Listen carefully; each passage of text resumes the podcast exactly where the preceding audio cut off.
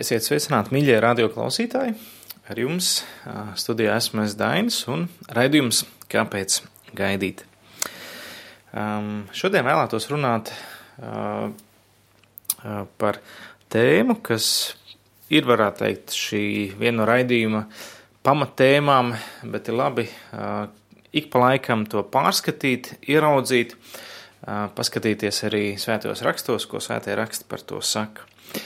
Un draudzē, kurā es esmu, mēs 21 dienu, sākot no jaunā gada, katru dienu apskatām kādu no baušļiem, kas palīdz mums, varētu teikt, saprast, pāraudzīt savu sirdi, vai esam uz pareizā šaurā ceļa, kas ved uz dzīvību, vai esam saskaņā ar Dievu prātu. Un, un Dieva vārds saka, ka bauslība pareizi to pareizi lieto, un, un ar to baušļu mums palīdz ieraudzīt to savu sirds stāvokli iepratim Dievam un cilvēkiem. Proti, vai mēs mīlam Dievu, vai mēs mīlam cilvēkus. Un, ja mēs kādu no baušļiem pārkāpjam, tas parāda, ka mēs tomēr nemīlam. Un šodien es gribētu runāt par septīto bausli. Varbūt kādās citās konfesijās ir viņš ir cits, bet bauslis tev nebūs laulība pārkāpt.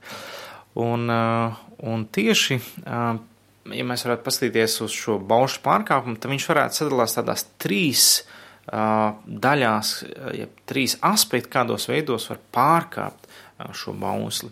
Un šodien runāšu par pirmo. Tad, proti, uh, viens ir runāt par netiklību, jeb uh, intīmas attiecības ārpus laulības derības. Otrs aspekts, kā pārkāpt šo, laul, šo bausli, ir uh, būt uh, laulības derībā un uh, veidot kādas intīmu tuvību vai, vai kaut ko līdzīgu ar cilvēku, kas nav mans uh, laulātais uh, partners. Uh, un savukārt trešais aspekts ir nodarbošanās ar dieva neatļautām, jeb dieva neparedzētām intīmām attiecībām.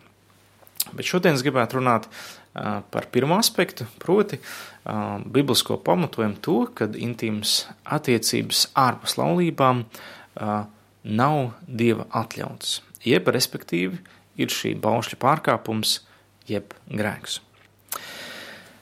Tātad netiklība, varētu teikt, ir seksuāla aktivitāte ārpus atļautās intimitātes, kas paredzēta laulības derības ietvaros. Tātad tas, kas mūsdienās ir noticis, kad mēs laulību esam atdalījuši no intīmām attiecībām. Kaut gan oriģināli radītājs tā nav paredzējis. Tad intim, intīmas attiecības un laulība tās ir neatņemamas sastāvdaļas. Varētu teikt tā, uh, nav dieva paredzēta intīma attiecību, attiecībā ārpus laulībām, un nav patiesībā laulības paredzēts bez intīmām attiecībām. Tātad viņas ir eh, savienotas kā vēl, vēl ciešāk nekā cimds ar roku, varētu teikt. Ja, tas ir eh, divas eh, neņemamas sastāvdaļas. Tātad laulības ir, ja laulība ir derības attiecības, kas brīvprātīgi tika noslēgts starp vienu vīrieti un vienu sievieti, lai uz mūžu nodotos viens otram apusējā mīlestībā. Tātad tā jābūt brīvprātīgai, tā jā, jābūt noslēgties starp vienu vīrieti un vienu sievieti. Tad Ādams un Ieva ir kā paraugs, piemērs, šablons, pēc kā, uz kā Jēzus arī atsaucās, bet jūs sakat, kad uh, var šķirties vai precēties vai ko, bet Jēzus saka, bet iesākumā tā nav bijis. Ja? Tad Jēzus vienmēr norāda uz oriģinālo sākumu, uz šablonu. Un tātad tā ir arī nodošanās mūža garumā, apusējā mīlestībā. Tātad tā nav es apracu otru, lai man būtu, bet patiesībā es savienojos laulībā ar otru, lai viņam būtu, lai viņam dotu. Un parasti, tad, kad mēs ieejam ar šo milzīgo cerību, ko es no otra dabūšu, mēs vienmēr vilsimies – bet otrā. Bet, ja mēs nākam cerību, es vēlos viņam dot, nu, sliktā gadījumā mēs varam vilties tikai sevī. Līdz ar to, un, un tā derība, derības būtība ir noslēgta uz mūžu. Tad varētu teikt, kad tiek noslēgta laulība, laulības derība. Nu, viena saka, nu, obligāti tas skaitās tikai tad, ja tas ir baznīcā. Nu, viennozīmīgi, ka laulības baznīcā nedod garantiju, ka laulība izdosies. Kāpēc? Nu, pirmkārt, to rāda statistika. Apmēram 50% no laulībām, kas tiek noslēgtas baznīcā un kas tiek noslēgtas dzimšanas nodaļā, principā abas, abās vietās šī statistika ir diezgan līdzīga. Tātad problēma nav, kurā vietā ir noslēgta laulība, ir, problēma sirdīs. Jā, sirdīs, ar kādām tā tiek noslēgta un kā tie, tā tiek uzturēta. Principā, tāpat kā laulības un intīmas attiecības ir ne, ne, neatdalāmas lietas, principā arī cilvēka dzīve, tā skaitā arī laulība, nav paredzēta bez Dieva. Restīvi, bez dieva laulība, nu, tur nav nekādas garantijas, ka izdosies. Tā kā var teikt, bet es zinu savus vec, vecētiņu vecmāmiņu, ka viņi, nu, nu, bez dieva ļoti labi nodzīvo ilgu mūžu. Un iespējams, ka pat bija laimīgi. Vārds iespējams būtu īstais vārds. Mēs redzam, ka kultūra, kurā dzīvoja mūsu vecētiņu vecmāmiņas, šķiršanās bija kauns. Līdz ar to visa sabiedrība eh, nu, kā, mm, nu, mud, radīja spiedienu nešķirties. Tas ir viens aspekts. Otrs aspekts um, - diezgan daudz mūsu vecāki un vecētiņi dzīvoja kultūrā, kas bija bibliskāka nekā mūsdienās. Respektīvi, uh, šie desmit baušļi uh, bija mācīti skolās. Tad mūsu vecmāmiņa vesētiņi bieži vien stāsta, ka viņiem skolās mācīja desmit baušļus mācīja lūgšanu, mācīja tēvreizi. Ja? Līdz ar to viņi ir dzīvojuši bibliskākā kultūrā, vidē nekā mēs. Līdz ar to mēs varētu teikt, ka tur, pat ja nepazīstot Dievu, bet turoties pie Dieva likumiem un baušļiem, cilvēka dzīvē jā, var būt kāda kārtība un svētība. Un tieši tāpēc atkal mēs ieraugam, bet bez Dieva arī vecmāmiņa mecētiņa laulība visdrīzāk neizdotos. Bez viņa prāta, jeb viņa baušļu ievērošanas. Tātad, kad laulība skaitās noslēgta, vai dzimšanas nodaļā laulība skaitās noslēgta? Runājot ar kādiem vīriem teologiem, viņi man deva šādu, nu, varētu teikt, pamatojumu, kad laulība arī tā skaitā, jo Dievs redz visas lietas, arī viņa priekšā viņš to uzskata par noslēgtu, ir tad, kad uh, ir pēc vietējās tradīcijas notikusi ceremonija, kuras laikā liecinieku priekšā ir apusēji dots laulības solījums. Un viss laulība, tas skaitās noslēgt. Ja tas ir saskaņā ar konkrētās valsts likumiem, ja, tad Dievvvārds saka paklausīt valdībām un varām.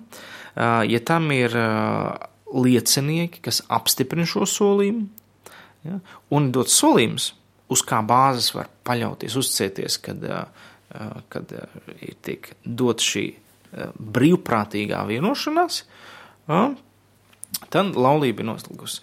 Līdz ar to mēs varētu teikt, ka laulība skaitās noslēgta tad, kad viņi ir ceremonijā liecinieku priekšā dots solījums. Līdz ar to laulāšanās, jeb salauzšanās, ir atbildības, varētu teikt, uzņemšanās par otru. Uh, un uzticības solīšanu, neatkarīgi no priekšā stāvošiem apstākļiem visu dzīves garumā. Tad uh, uzņemties atbildību par otru un par attiecībām ar otru. Tātad intīmas attiecības ārpus šīs derības sa, um, ir sastaistīšanās uz mūžu bez atbildības. Tas vēl arī atkārtoju. Intīmas attiecības ārpus šīs derības uh, sasaistīties uz mūžu Uh, ja, tā, ne, tad, tad uh, intīmas attiecības ārpus šīs derības ir savienošanās uz mūžu, taču bez atbildības uzņemšanās par otru. Kāpēc savienošanās uz mūžu? Uh, Tātad svētie raksti atklāja, ka intīmas attiecības savieno vīrieti un sievieti, un tie kļūst par vienu miesu. Tur nav teikts pēc laulības ceremonijas. Tur teikts, tā, kad vīrs atstās savu māti un pieķersies savai sievai, tie kļūs par vienu miesu. Vai arī Pāvils saka, vai jūs nezināt, uh, kas biedrojas, ja pārguļ ar netikli, ir viena miesa ar to. Ja? Tad kļūst par vienu miesu. Un šis vārds kļūt par vienu, ja pielips savai sievai, ir, ir vārds, kas apzīmē arī spēcīgi salīmēties, sakausēties, kļūt par vienu. Ja, varētu teikt, izveidojas spēcīga, neredzama saite, kas šos cilvēkus savieno.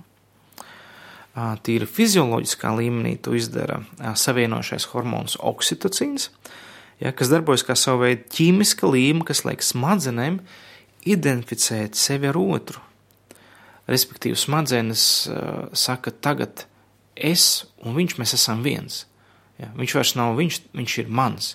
Mēs esam kopā, mēs esam viens. Ar to smadzenēm uh, rodas, varētu teikt, uh, nu, viņas nesaprot, tā, ka šī cilvēka nav. Ar to viss gēni sāk brēkt pie šīs cilvēka, tad, kad bijis ir šīs intīmas savienošās attiecības, īpaši, ja tās ir emocionālā tuvībā un mīlestībā. Līdz ar to reāli tiks cilvēks savienojas garā un varētu teikt arī miesā un garā ar šo cilvēku. Un ar to, ja bijušas tādas intīmas attiecības, tad šāda šķiršanās starp šādiem cilvēkiem parasti atstāja dziļus ievainojumus gan garā, gan dvēselē, un arī miesā. Un līdz ar to tāpēc atnes tukšumu un salauztības sajūtu. Tad, ja tu esi salīmējies un Un tu, tu teiksim, tāpat kā divas papīra lapas salīmē, viņas mēģina atdalīt, viņas saplīst, vai divas vai salīmē, teiksim, trauku, ja, un, un, un, un viņš, ja, viņš savā veidā, ka viņus mēģina atdalīt, viņi salūst. Tāpat arī mēs, kad savienojamies garā dvēselē un miesā, un mēs vairs neesam kopā, mēs salūstam. Nu, kur mēs to varam redzēt? Nu, piemēram, jauniešu nometnēs, jaunieši pavada pie, trīs dienas, piecas dienas kopā Un tā kā nāks braukt mājās, pat ja nav bijis nekāda, nu, teiksim, tāda, tāda tuvība, ja, bet vienkārši emocionāla tuvība, tad sajūta, kā tu tiec pārauc uz pusēm, jo tu esi tā savienojies jau, tīri emocionāli. Kur nu vēl vairāk, ja tas vēl ir fizioloģiskā līmenī? Ja? Līdz ar to mēs varam iegūt šādus ievainojumus garā, dvēselē un miesā, ja mēs esam bijuši intīmās attiecībās un esam šķīrušies tas nevar neatstāt sekas. Kāpēc? Tāpēc, ka viss, ko Dievs dara, ir ļoti spēcīgs, ietekmīgs, un tas bija paredzēts, lai savienotu vīru un sievu uh, mīlestības attiecībās uz visu mūžu. Zato uh, vēl mēs varam redzēt par derību, ka, die, ka Dievs sāk savus piepildījumus solīt cilvēkiem tikai tad, ka Viņš ar viņiem ir slēdzis derību. Tātad pirms ja, Dievs kaut ko dara, viņš slēdz derību. Vai arī viņš, tātad pirms viņš atjaunoja ja, cilvēci, ja, viņš slēdz derību ar Noā. Pirms viņš uh, radīja uh, Izraēla tautu, viņš slēdz derību ar Ābrahamu. Ja, pirms uh, viņš sāk svētīt Izraēla tautu, uh, caur mūzu viņš mūzumu arī deva bauslību. Un cilvēks tā tad ir aicināts radītāja paraugam pirms sākt darīt nopietnus uh, ieguldījumus, tad slēgt vienošanos. Nu, tad arī uh, pasaulē saprot, pirms tu sāc uh, tērēt naudu otra, otras nezinu, firmas labā vai tev, tu dod liels ieguldījums, tu gribi slēgt vienošanos, ko mēs saucam par līgumu. Līdz ar to, protams, derība daudz kaut kas eh, īpašāks par līgumu. Tas nav vienkārši divas partnerattiecības parakstīt. Tās ir eh, mīlestības attiecības, kas ir apstiprināts ar likumu, jeb juridiski apstiprināts mīlestības attiecības. Tad tas ir kaut kas vairāk kā vienkārši parasts sadarbības līgums. Un tas ir kaut kas vairāk kā vienkārši, nu tā, mīlēsim viens otru, bet neuzņemsimies atbildību. Tās ir daudz vienojošākas un atbildošā, atbildīgi uz, atbildību uzņemošākas attiecības nekā vienkārši nu, mīlēsim viens otru. Līdz ar to mēs varam redzēt, ka derības būtība uh, ir upurēties otra labā vai nodot sevi otra rīcībā. Ja? Tātad laulātais aic, vēlas sevi nodot otra rīcībā, bet pirms tas tiek darīts, ir jāslēdz derība. Tātad katra derība ja, tika, tika noslēgta kā? Tātad caur uh, solījumu došanu, tātad ir dots konkrēts solījums, ja, uz kā mēs varam vienoties, ja, par ko mēs vienojamies. Un tagad dots šis solījums, tad vecajā derībā uh, šis solījums vienmēr tika apstiprināts, tāpēc, ka solījumu, ja tu dod, tad tu arī pildi. Ja, ja nav konkrēts laiks, tad, tad principā derība ir noslēgta uz mūžu. Un, un līdz ar to uz mūžu, tad uz visu dzīvi. Un lai tad viņam būtu juridisks spēks, tad, tas ir vajadzīgs to apstiprināt ar upuri. Ja? Un ar to katra derība, ja, vecajā derībā, tika apstiprināta ar upuri, ar asins izlošanu, kas simbolizē dzīvības upurēšanu. Tātad samaksa par šo derību slēgšanu ir dzīvība. Un, ja šī derība tiek slausta, ja, tad, tad principā uh, nu, kā tā tiek lausta tikai tad, kad ir dzīvība, uh, tiek upurēta, ja otrs uh, mirst, tad, tad līdz nāve mūs šķirs. Līdz ar to radītājs uh, ir paredzējis, ka arī derības starp vīru un sievu tiek slēgta caur solījumu un caur asins izliešanu. Kur šāds asins tiek izlietas? Tātad pirmkārt, uh, radītājs to līdz ir sievietei, kas ir šīs asins ir apliecinājums viņas nevainībai. Tātad nevainīgs asins. Tātad upurim bija jābūt nevainīgam, svētam. Un ar to, tad, kad Dievu priekšā ir dots šis laulības solījums, tad šīs nevainīgās asins ir kā derības zīme starp vīru un sievu, jeb kā zīmoks, kas padara derīgu viņa laulības solījumu. Tā kā apstiprina. Tad, ja solījums ir teksts, kas ir līgumā, tad šīs asins izliešana ir kā zīmoks, kas padara šo vienošanos derīgu. Tātad jau nav šī intīmā tuvība, laulība netiek saukta par noslēgtu. Vismaz ne Dievu priekšā. Tātad šī intīmā pirmā tuvības reize paredzēta, ka šis zīmogs tiek uzlikts starp vīrieti un sievieti, šī tuvība un nevainība. Un ar to arī vecajā derībā parādās, ka tai, tam ir ļoti svarīga nozīme arī joprojām daudz kur austrumu zemēs, tam ir ļoti svarīga nozīme, ja šī pirmās nakts ne, nevainība. Uh, nu, piemēram, vecajā derībā arī bija pat uh, likums par to, uh, kad, ka, ka tēvam bija jāpasargā savu meitu no netiklības, jeb no jaunības zaudēšanas ārpus laulībām. Tad viņam bija jāsaglabā savu meita priekš topošā vīra. Un kā liecība tam, ka viņš ir saglabājis, bija šī gultas veļa, kas tika izklāta laulību, laulības naktī, pirmajā naktī, uh, un, un, un ka šī asins tiek izlieta, tas ir kā zīme uh, par to, ka uh, šī meitene bijusi nevainīga. Un līdz ar to, uh, ja vīrs apsūdzēja, hei, man, mana tā sieva nebija nevainīga, tad tēvs iet un šo palāgu rāda pilsētas, teiksim, tiesai, tā laika vecajiem, ja, kā zīme, nē, reku, mēs redzam, ka viņi ir vai ka viņi nav. Līdz ar to mēs redzam, ka uh, šis likums, šī derība, tā ir ielikta, ielikta mūsu dabā, mūsu bioloģiskajā, arī varētu teikt, sistēmā. Un līdz ar to katrs intīms akts ārpus laulības derības ir saukts par septītā baušļa pārkāpumu. Paskatīsimies uz kādām raksturvietām, kas mums to parāda. Nu, sāksim ar, ar, ar teiksim, kādu uh, nu, pozitīvu raksturvietu. Piemēram, 1. mūzika 24, 14, kur Īzakam ja, kalps devās meklēt sīvu. Pirmā mūzika 24, 14. Tad, lai notiek, ka tā meita, kuru es teikšu, padod savu trauku, es gribu dzert, un kur sacīs, dzer un padzirdīšu arī tavus kamieļus, būtu tā, kuru tu esi novēlējis sam kalpam Īzekam. Un pēc tā zināt, ka tu esi žēlastība parādījis manam kungam.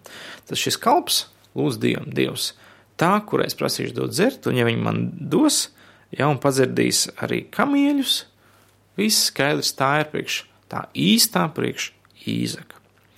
Un notika iekāms viņš bija beidzis runāt, nāca Rebeka. Viņa bija meita Betuēlam, kas bija Milkas un Abrahama brāļa Nahordēls, un tai uz pleca bija ūdens trauks, un meita bija ļoti skaista, izskata jaunava.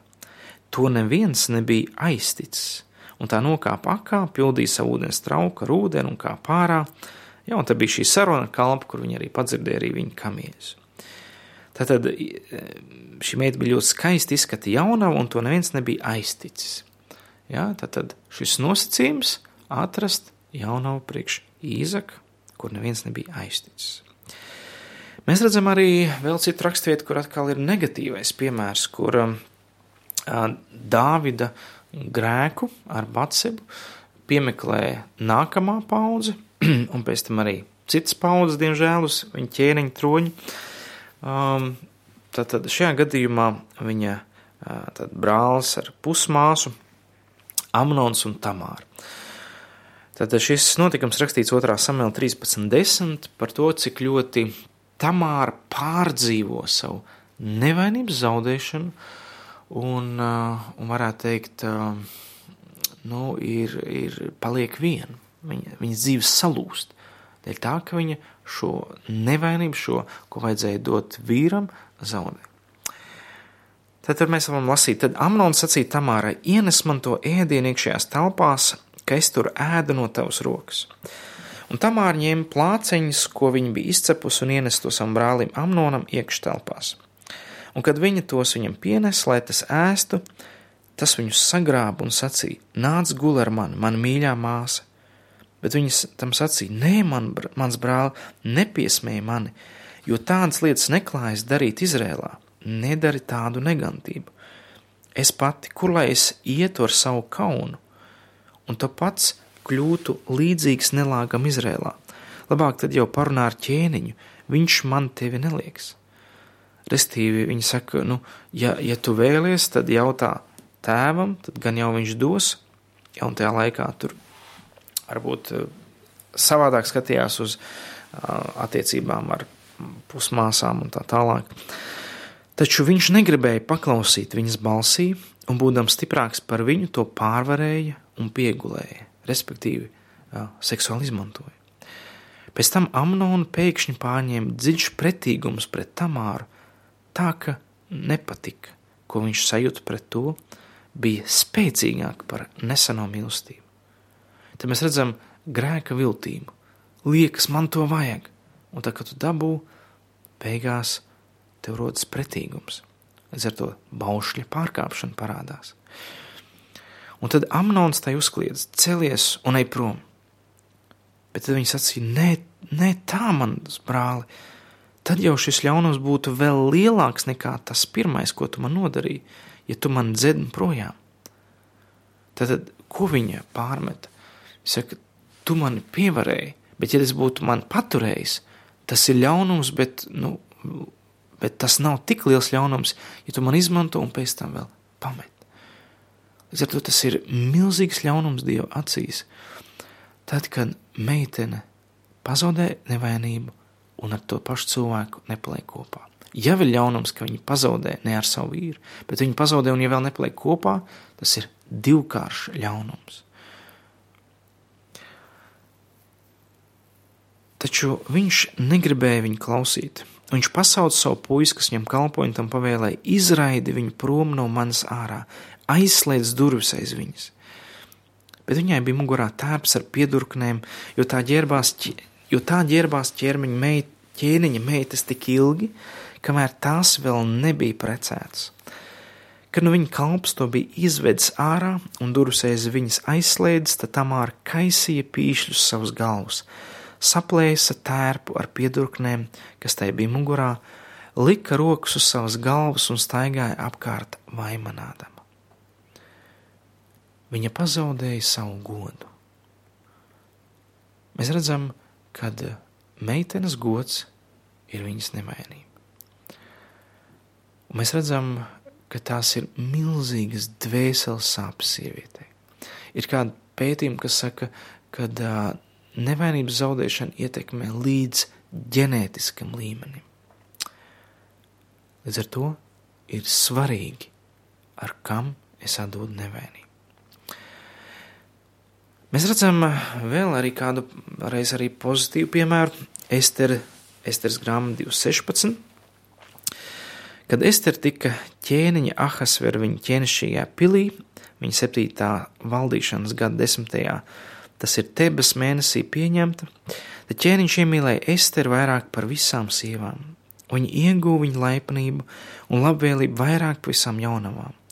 Tā, ka viņš lika ķēniņienes kroni viņai galvā un iecēla viņu par ķēniņieni vaštī vietā.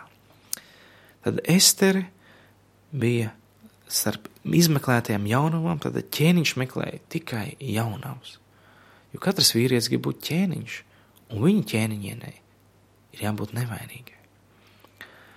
Līdz ar to mēs atkal redzam pamatojumu, cik ir, kad viņš ar viņu netojās, arī šis pagānu ķēniņš, kamēr viņi nekļūpa par ķēniņieni, ja viņa sīvu.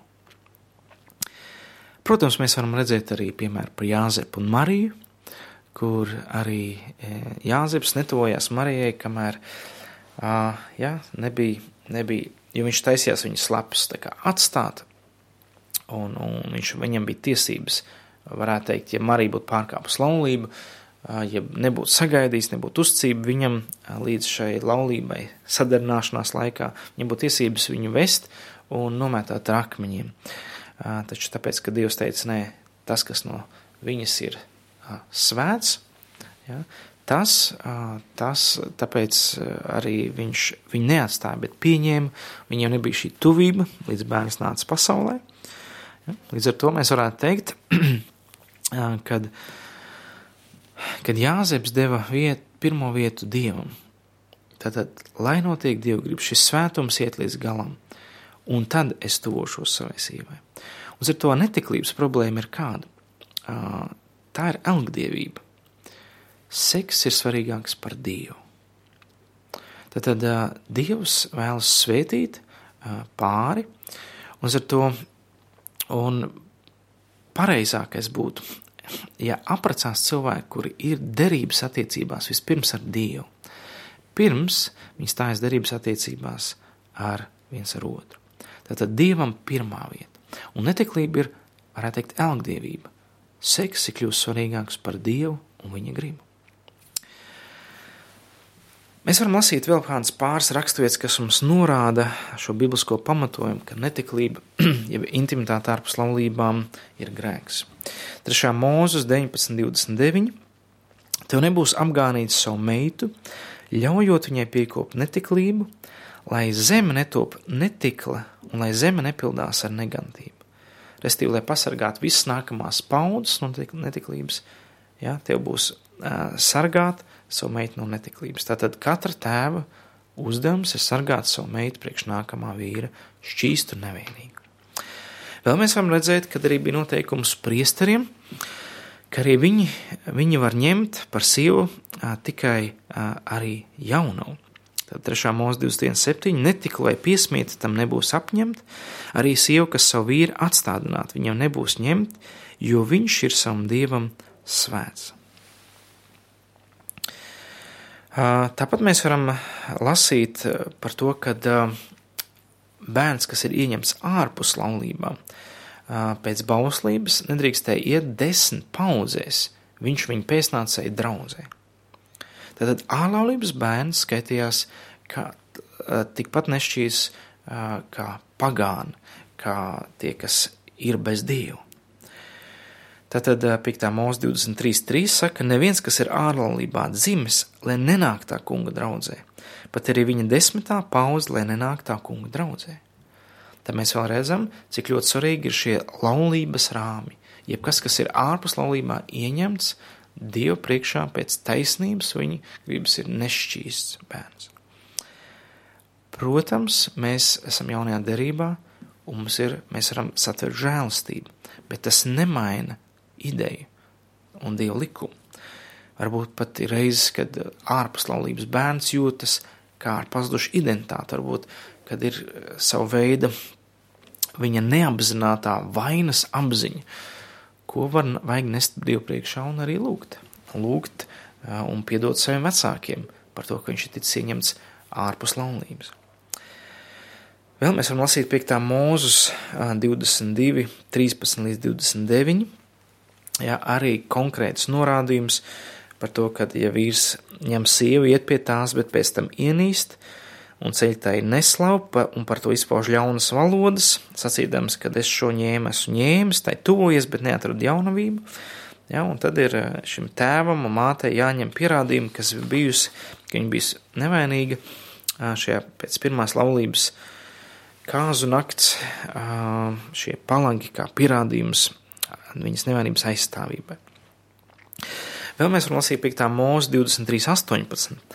Lai nebūtu nevienas netikles Izrēla meitu vidū, un lai nebūtu netikla vīru Izrēla dēlu vidū. Respektīvi, gan vīrieši, gan sievietes, gan jauni, jaunieši, gan jaunietis, lai būtu šķīstas un nevainojams seksuālajā sfērā. Um, tāpat mēs varam lasīt arī par to, ka um, Hozejas grāmatā 4.11 uh, ir uh, rakstīts tā, ka netiklība, vīns un vīnogu sula paņem prātu. Ja, tātad seksuāls grēks paņem prātu līdzīgi kā dzeršana.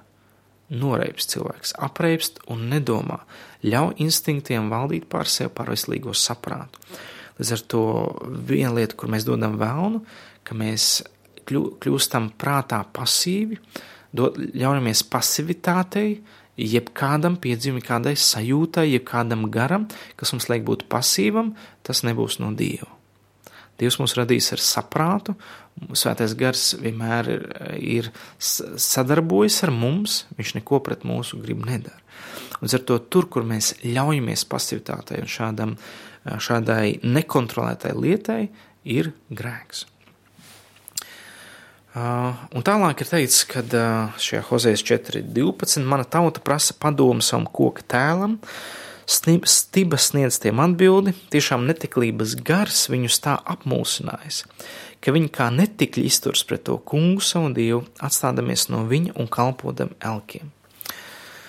Un, un, un tālāk ir teikts, tāpēc arī jūsu meitas kļūs netiklas un jūsu līgavas laulības pārkāpējas un es nesodīšu jūsu meitas, ka tās nodosies netiklībai, un jūsu vedaks, ka tās pārkāps laulību, jo viņi paši sajiet ar netikliem un nes ziedojums kopā ar tempļa prieka meitām, bet neprātīgā tauta iesbojā. Respektīvi, mēs redzam, ka Izraela tauta nododas prieka meitām, nododas netiklībai, um, jā, garīg, garīgumam, kas kas ir saistīts ar prostitūciju un citām lietām. Un Dievs saka, viņi paši sajietās, un tāpēc arī viņu meitas būs netiklas laulības pārkāpējas. Šeit mēs redzam, ja mēs mīlam Dievu, bet kādā sfērā mēs viņu nemīlam, piemēram, seksuālā sfērā, tēvu netaisnības piemeklēs bērnus un mazbērnus un mazbērnus, kamēr viņi paši nelūgs un neatteiksies no tā. Līdz ar to mēs varam redzēt, ka šī sakropļotā sfēra, Dieva sfēra, jo, kur lietots vārds netaisnības, ka tēva netaisnības piemeklēs trijās, četrās paudzēs, mums lietots vārds grēks, bet tur precīzāk būtu, precīzāk būtu netaisnības, tātad, kas nozīmē ebreju vārds avon, kas nozīmē sakropļota, sabojāt dievu gribu. Ja tajā sfērā, arī ticīgā ģimenē, tas tiek darīts, šajā sfērā turpinās šī nesvētība arī ticīgiem bērniem, jo viņi nav redzējuši dievu gribu, viņi ir redzējuši nešķīstu gribu, un caur gēniem viennozīmīgi tas pārmantojas. Un ar to tāpēc arī ticīgi, ticīgās ģimenēs var būt problēmas kādās no sfērām, ja netiek darīt dievu gribu.